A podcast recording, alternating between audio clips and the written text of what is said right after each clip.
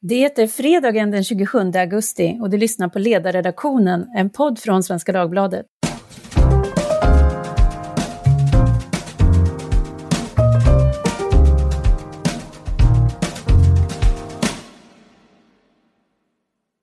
Nu är terminen igång, verkligen, och det har varit en händelserik vecka. I söndags meddelade Stefan Löfven att han avgår i höst. I onsdags sköts en 30-årig man till döds på en restaurang i Linköping och idag är allas blickar på Afghanistan, där över 100 personer dog igår i en terrorattack. Jag heter Tove Livendal och eh, för att tala om några av de här sakerna som har hänt i veckan har jag idag sällskap av mina kollegor Olof Ehrenkrona, Maria Ludvigsson och Pet Wennblad. Varmt välkomna! Tack! Vi ska börja i Afghanistan där det ju då har skett det här terrordådet och det är en regional förgrening av IS som heter IS Khorasan som har tagit på sig dådet. Och minst 100 civila har alltså dött och enligt Pentagons rörelse om självmordsbombare. Och det här är en rörelse som ser både USA och talibanerna som sina fiender. Olof, hur ska man se på läget och vad är det som kommer att hända nu? Vad har vi för vägar framåt? Ja, eh, det är svårt att bedöma tycker jag. Alltså, eh, man får vara, vara, lite försiktig kanske också med att bedöma relationen mellan IS och talibanerna för att IS har infiltrerat Afghanistan under det här slutskedet, eh, vet vi ju. Så att eh, det, eh, det är en otroligt komplicerad situation. Det kommer inte att sluta väl. Vi kommer att få nya terrordåd både i och utanför Afghanistan. Och eh, eh, dessvärre är det väl så att eh, väst har visat eh, att man inte riktigt eh, är på toppen av agendan utan man är väldigt på defensiven just nu. Jag tänker, vad, hur, vad kommer att hända i USA nu? Vad blir reaktionerna där? För jag har ju sett Bidens uttalanden om att, ja, liksom väldigt beslutsamma uttalandena, men det finns ju också en ja, en andra sida på detta, det är liksom USAs tillbakadragande. Så hur kommer debatten att se ut där, tror du? Diskussionerna? Ja, alltså USA, jag tror att den amerikanska väljarkåren och befolkningen eh, tycker att det är lika bra att, att dra sig ur Afghanistan, för det är bara ett eländigt hål. Eh, så att eh, det är nog den normala amerikanens reaktion. Sen så är ju frågan liksom vad som händer med eh, terroristattackerna, om de intensifieras, om de kommer på amerikansk mark.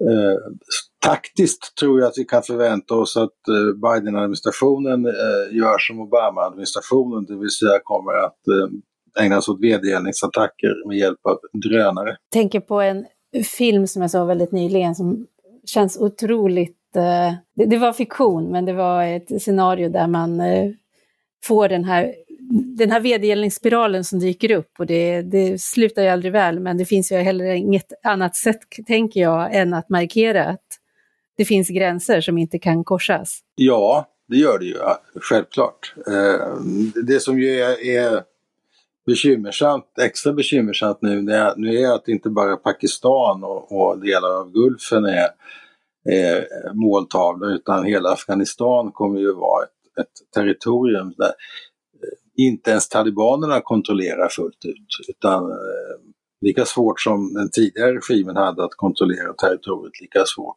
i stort sett kommer talibanerna att ha det. Och eh, det kommer ju i sig leda till ett förtryck som kommer att exponeras i väst och eh, då är frågan hur vi reagerar på det. Mm. Vi hade ju Diana Janse som skrev en gästtext hos oss för ett tag sedan som talade om att vi måste liksom dra lärdomar av det som har hänt och eh, nu med, med facit i hand så, så liksom, hur ska man se på den här 20-åriga insatsen? Se, vad, vad, är, vad är för dig den uppenbara lärdomen? Ja, den uppenbara lärdomen är att eh, den här formen som etablerades för vad var det, 20 år sedan, eller efter Rwanda, Responsible Protect, den eh, fungerar inte om det inte finns exit-strategi. Och en exit-strategi är ju väldigt svår att etablera i ett akutläge när det handlar om att skydda befolkningar från folkmord helt enkelt. Eh, och det här måste man ju tänka närmare på. Eh, och man måste utveckla kapacitet eh, både hård kapacitet i form av eh, militära resurser men också mjuk kapacitet när det gäller diplomati. Eh, och eh, i det här fallet så tror jag att eh, just under utrymningsskedet de senaste månaderna så är ett av de stora problemen är att det saknas diplomatisk kapacitet på den amerikanska sidan. Delvis till följd av administrationsskiftet och att man inte har haft en tillgång till, till en fungerande utrikesadministration. Mm. Om man tänker sig lärdomar för svensk del, nu är det ju ett läge där där vi fortfarande har personer som vi vill försöka få ut ur landet. Och eh, när Ann Linde blev intervjuad i Aktuellt den 16 augusti, då sa hon, jag tror att vi kommer att få ut lokalanställda förr eller senare. Och det slog mig som en så väldigt tillbakalutad attityd, eftersom det redan då var tydligt att det var brådskande. Vad, hade vi kunnat göra någonting på ett annat sätt, på ett bättre sätt än det vi har gjort när det gäller ja, våra får, egna? jag tror att det är viktigt att utvärdera vad som har skett. Mitt intryck är att ledningen har varit tämligen aningslös. Men att i ett akutskede eh, de senaste dagarna, veckan, så har det, när man har så att säga, kopplat in de resurser som finns i form av försvaret och eh, Migrationsverket, så har det, har det styrts upp. Och vi har ju fått ut ganska många nu. Men eh, jag, jag tror nog att riksdagen måste titta noga på hur krisledningen från eh, på regeringsnivå har fungerat och det gäller både, både regeringen som helhet och utrikesdepartementet. Mitt intryck är att den politiska ledningen inte har förstått allvaret förrän alldeles för sent. Och där undrar jag, för det, det, det låter väldigt klokt, det vill säga, ja, vad, vad, kan vi lära oss, vad tar vi med oss för nästa gång och sådär. Vem tar initiativ till att det görs? Vem är det som liksom har, har, har den frågan?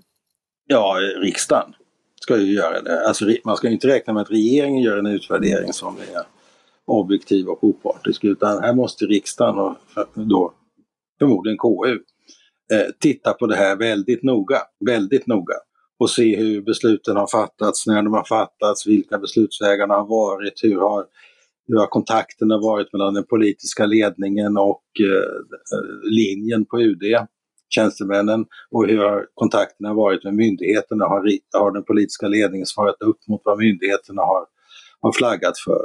Har myndigheterna haft en tillräckligt stor beredskap? Den här typen av frågor tror jag är väldigt viktigt att riksdagen tittar mycket noga på.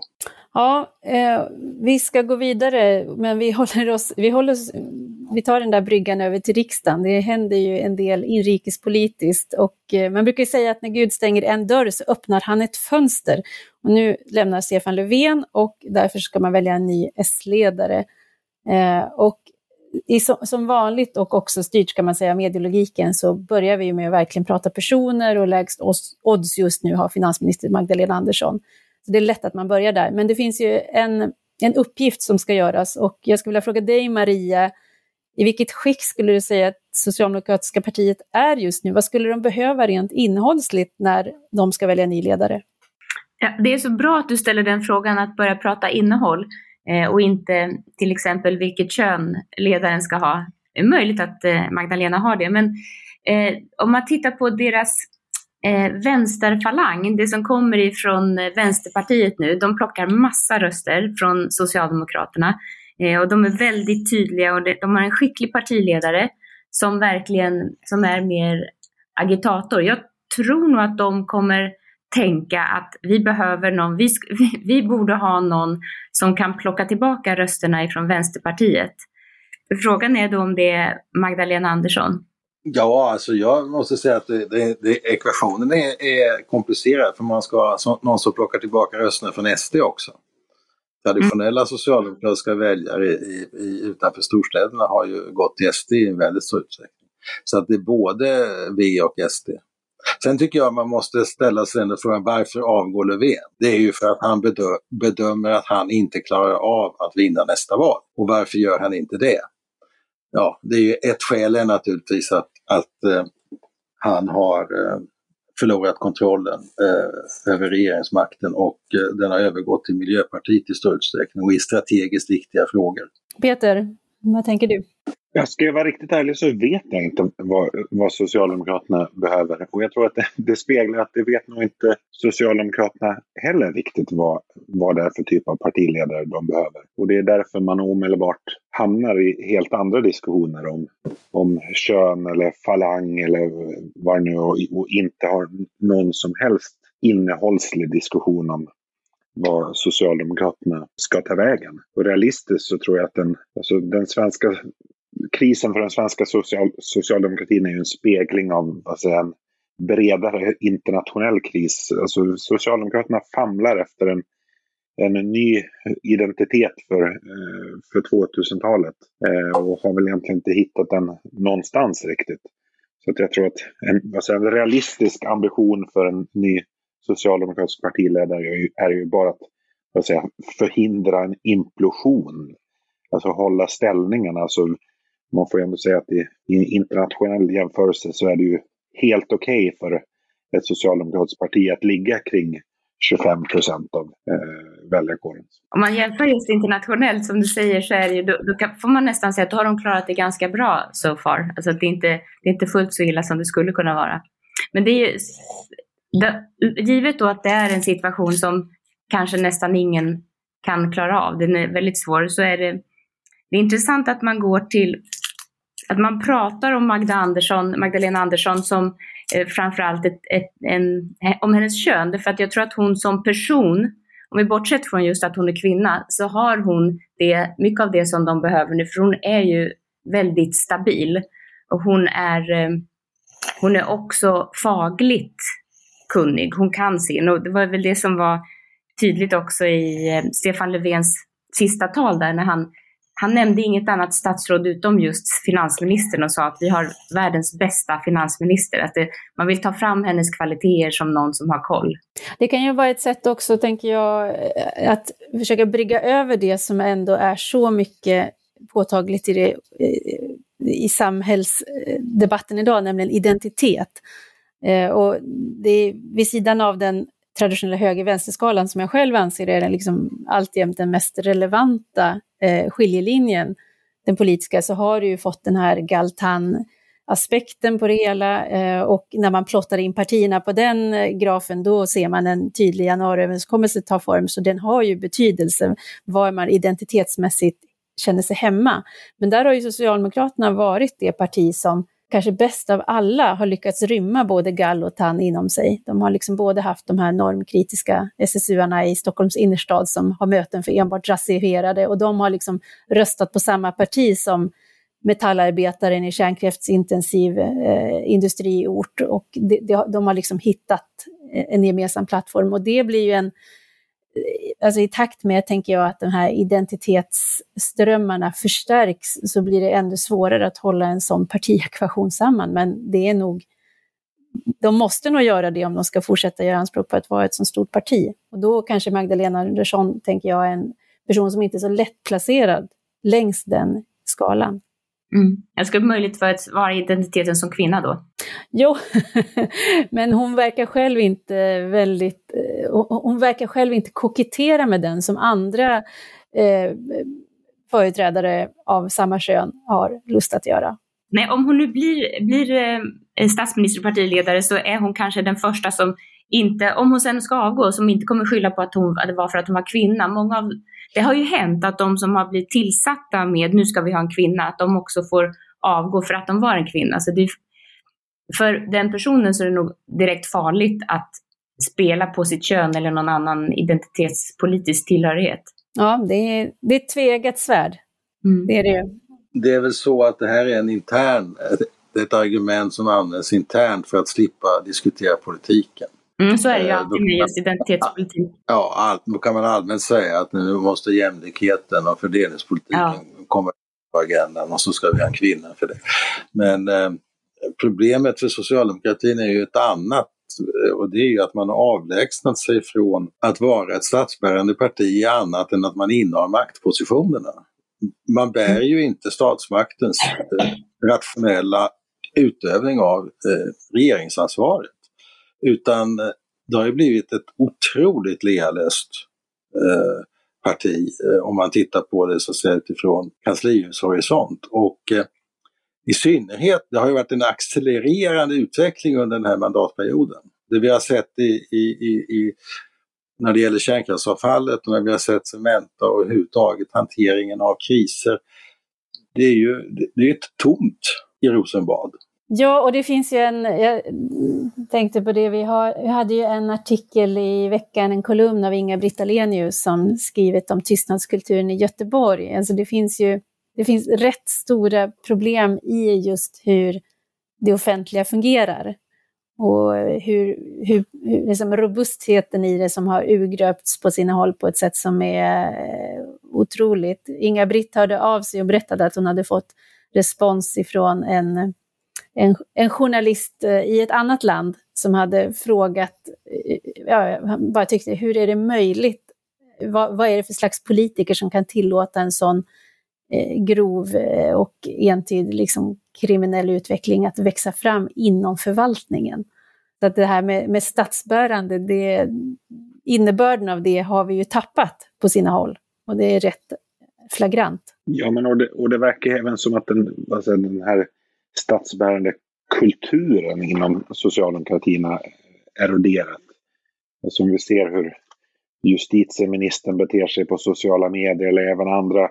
Eh, mm.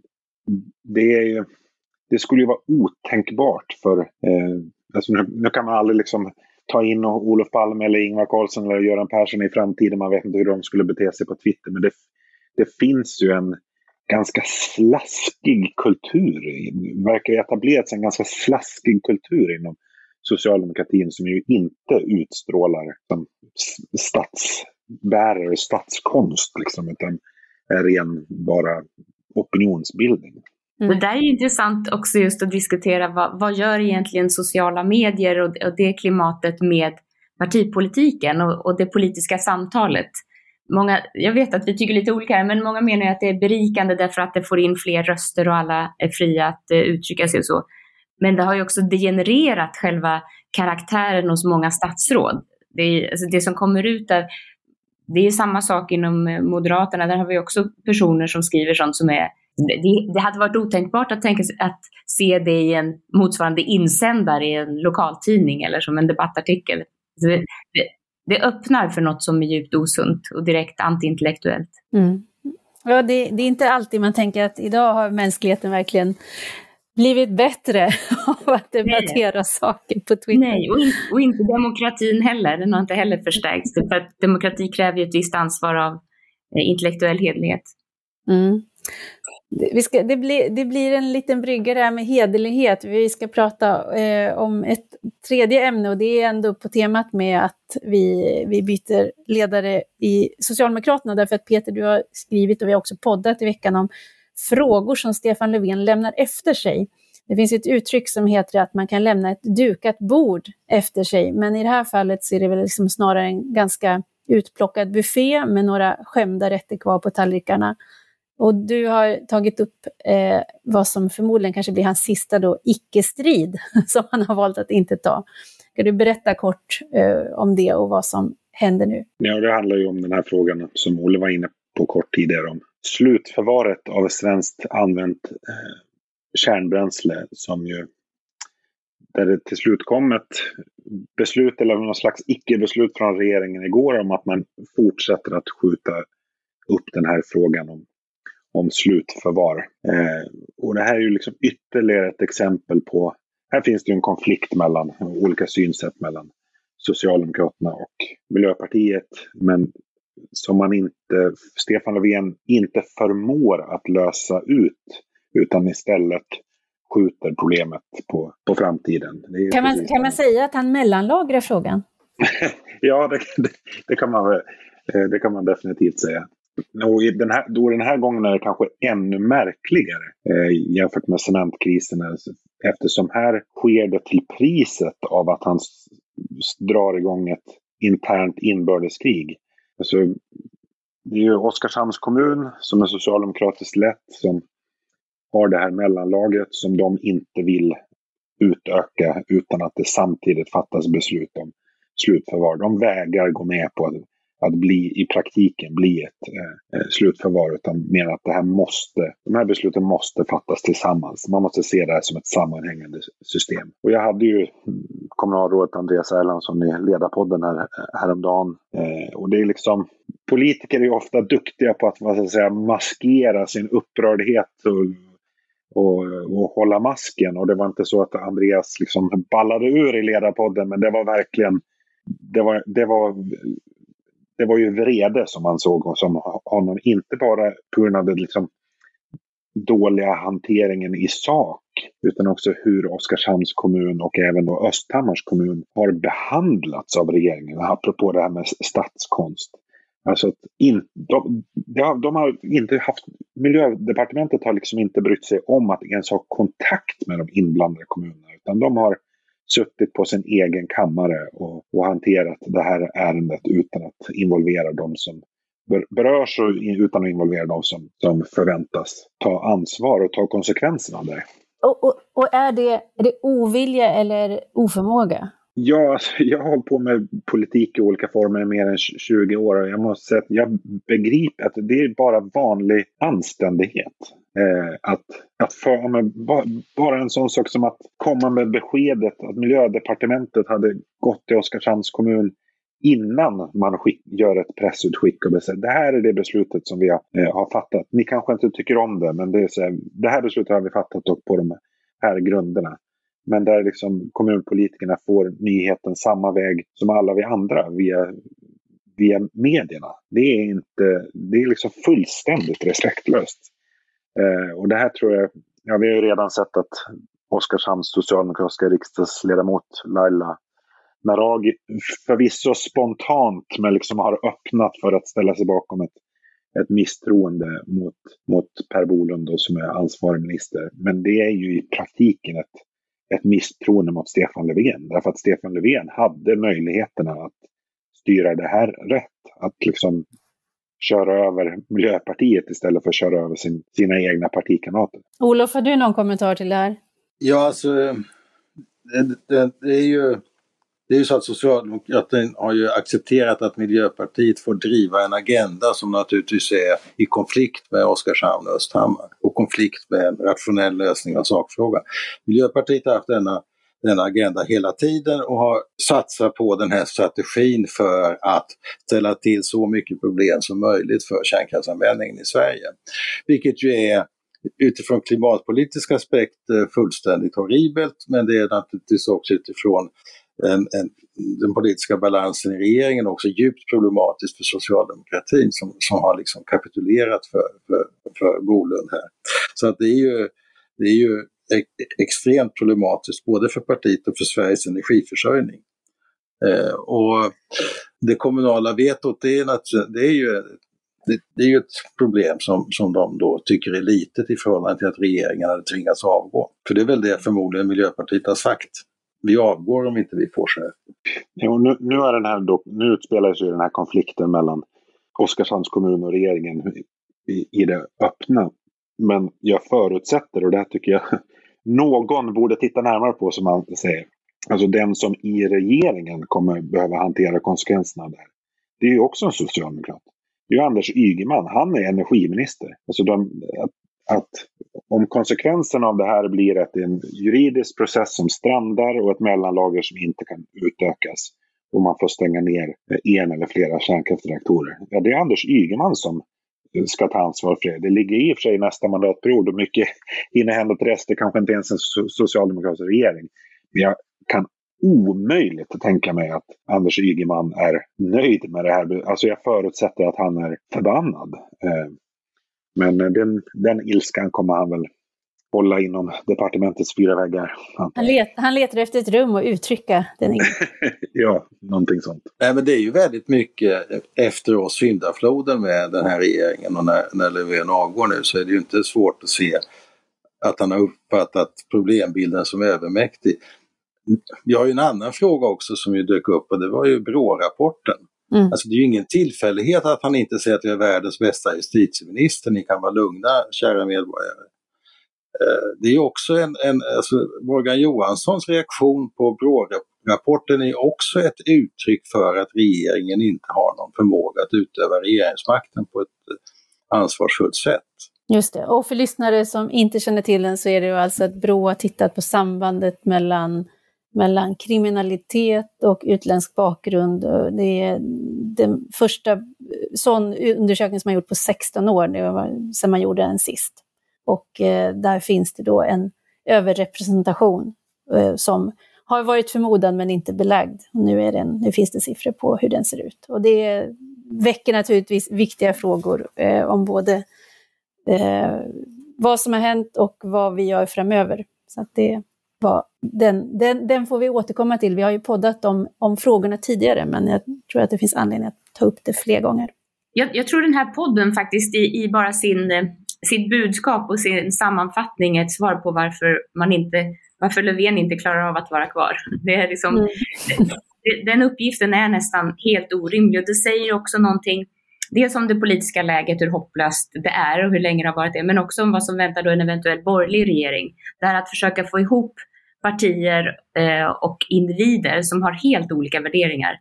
Det är nästan som man förstår att det går nog inte. Och då måste man ha en väldigt tydlig idé om, okej, okay, vad kan jag hoppas på att få ut av detta? Eller vad kan vi hoppas på? Vi kanske inte kan förändra allt vi orkar, men vi ska i alla fall klara en eller två frågor, inte allt. Ja, apropå det där med eh, om man tänker sig något år framåt och när en regering ska formeras oavsett hur den ser ut. Så eh, vi har ju under så många år nu varit låsta kring frågan på ett parti och eh, det har liksom blockerat väldigt mycket. Jag hörde, nu vet jag inte om det är helt sant, jag har inte kollat det, men det var från en tillförlitlig källa, men som talade om den finska kulturen eh, och på frågan om hur man tar politiskt ansvar, som beskrev processen snarare som att alla sätter sig runt bordet, precis alla, och sen faller eh, ett efter ett ifrån och kvar blir de som liksom ändå kan enas och, och hitta, ha liksom någonting konstruktivt att föra med sig i samtalen. Men i Sverige har vi liksom redan från början sagt att vissa får inte ens vara i närheten av det där bordet. Så det, blir liksom, det är en annan process. Vi får väl se om vi... Och problemet är ju när det inte bara är, alltså metoden kanske fungerar, men det krävs också en viss kvalitet hos de som sitter med runt bordet och det är inte säkert att det finns alltid. Så är det. Ja, vi ska börja landa ner. Eh, det, är, det närmar sig helg och eh, även om det är oroligt i världen och sådär så är det ju ändå fredag. Så lite fredagsstämning måste vi försöka få upp nu efter att ha talat om allting som inte fungerar. Så nu vill jag veta vad ni har för planer för helgen och om ni också kanske har något tips till lyssnarna. Peter, ska du börja? Ja, det ser ut att bli ösregn här eh, hela helgen, i, i alla fall på Gotland, där, där jag bor. Så att eh, jag tänkte ägna mig åt höstliga inomhusaktiviteter. Hösten är ju, har ju tyvärr kommit alldeles för tidigt. Det slog mig liksom till och med häromdagen att, att hösten redan kändes lång och då är det fortfarande i augusti. eh, men nu, nu, nu, ska jag väl liksom mentalt acceptera att det är höst på riktigt så då blir det väl gryta och rödvin eller något sånt. Ja, det låter inte så dumt. Tända ljus brukar ju också stå i de här guiderna för ja. höstmyset. Alltså man får tända ljus på sommaren också, jag vill bara informera om det. Det måste inte vara höst. Ja. Maria, vad... Jag, eh, jag tänker nog vägra höst tror jag. Jag tänker inte alls acceptera, jag vägrar. Så vi ska vara så nära en sjö man någonsin kan vara och bada och bita ihop och låtsas att det fortfarande är 25 grader varmt. och så eh, träffa en eh, kvinna som är gott vuxen. Hon har eh, rundat 85 och hon ska bjuda på en stor lunch och det brukar bli riktigt mycket godsaker. Precis, du kommer blåfrusen och tina upp det lagom. ja, Olof?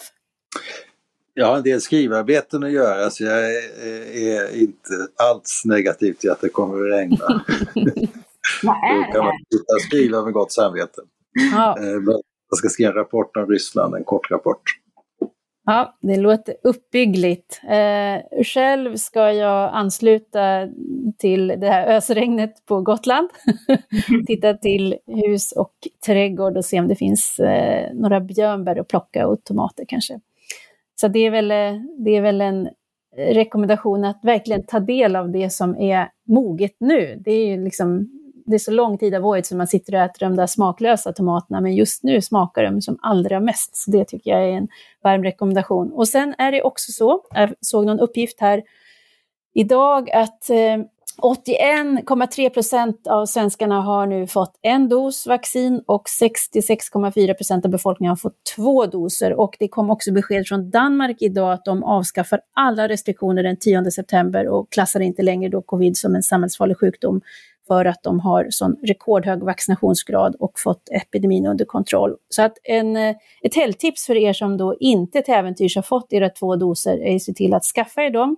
Mm. Eh, som statsepidemiologen berättade så är, ligger man på IVA så har man inte vaccinerat sig. Det finns ett väldigt tydligt samband däremellan. Så det är en, en rekommendation att se till att ni och de ni har omkring er och eh, ja, har era kontakt och vännätverk har hjälper till. Eh, vi hjälper både sig själva och samhället att öppna upp snart igen. Det plingade, plingade till i min mobil här igår när, när mitt covidbevis, eller vaccinationsbevis, anlände. Härligt. När man har fått sina två sprutor, jag har gjort det i två olika län och det är sånt där som alltid ställer till det i Sverige. Men det är så uppenbart att det här, all den vårdpersonal, eller de som är inkallade nu är särskilt för att lösa det här och bara sätta sprutan i armen, det funkar så bra därför att de är inställda på att det här löser vi. Och så hittar de på en lösning just då. Så det, liksom, det, finns en inställning i den här delen av vårdapparaten som skulle må bra Det skulle må, vara bra om den kunde överleva även till andra helt normala situationer. Att man löser det. Ja, det, det har faktiskt varit fantastiskt att se liksom med vilket engagemang man har tagits emot av den, den här ofta då frivillig personalen som, som redan har tagit emot 10 000 andra och satt liksom 10 000 nålstick. Så att, nej, Men det är väl detta som man pratar om ibland, det finns ett behov även hos de som är frivilligarbetande att få göra detta, att det inte bara är vårt behov att de finns där. Det är ett dubbelt värde. Underbart! Nu är i alla fall jag i fredagsstämning. Tack för den! eh, då säger vi tack till eh, mina kollegor Olof Ehrenkrona, Maria Ludvigsson och Peter Wemblad. Tack för att ni var med idag. Tack! Och tack, tack. Eh, tack också till er som har lyssnat. Frågor, funderingar, synpunkter på ämnen vi ska ta upp mejlar ni som vanligt till ledarsidan svd.se och producent idag var Jesper Sandström. Trevlig helg!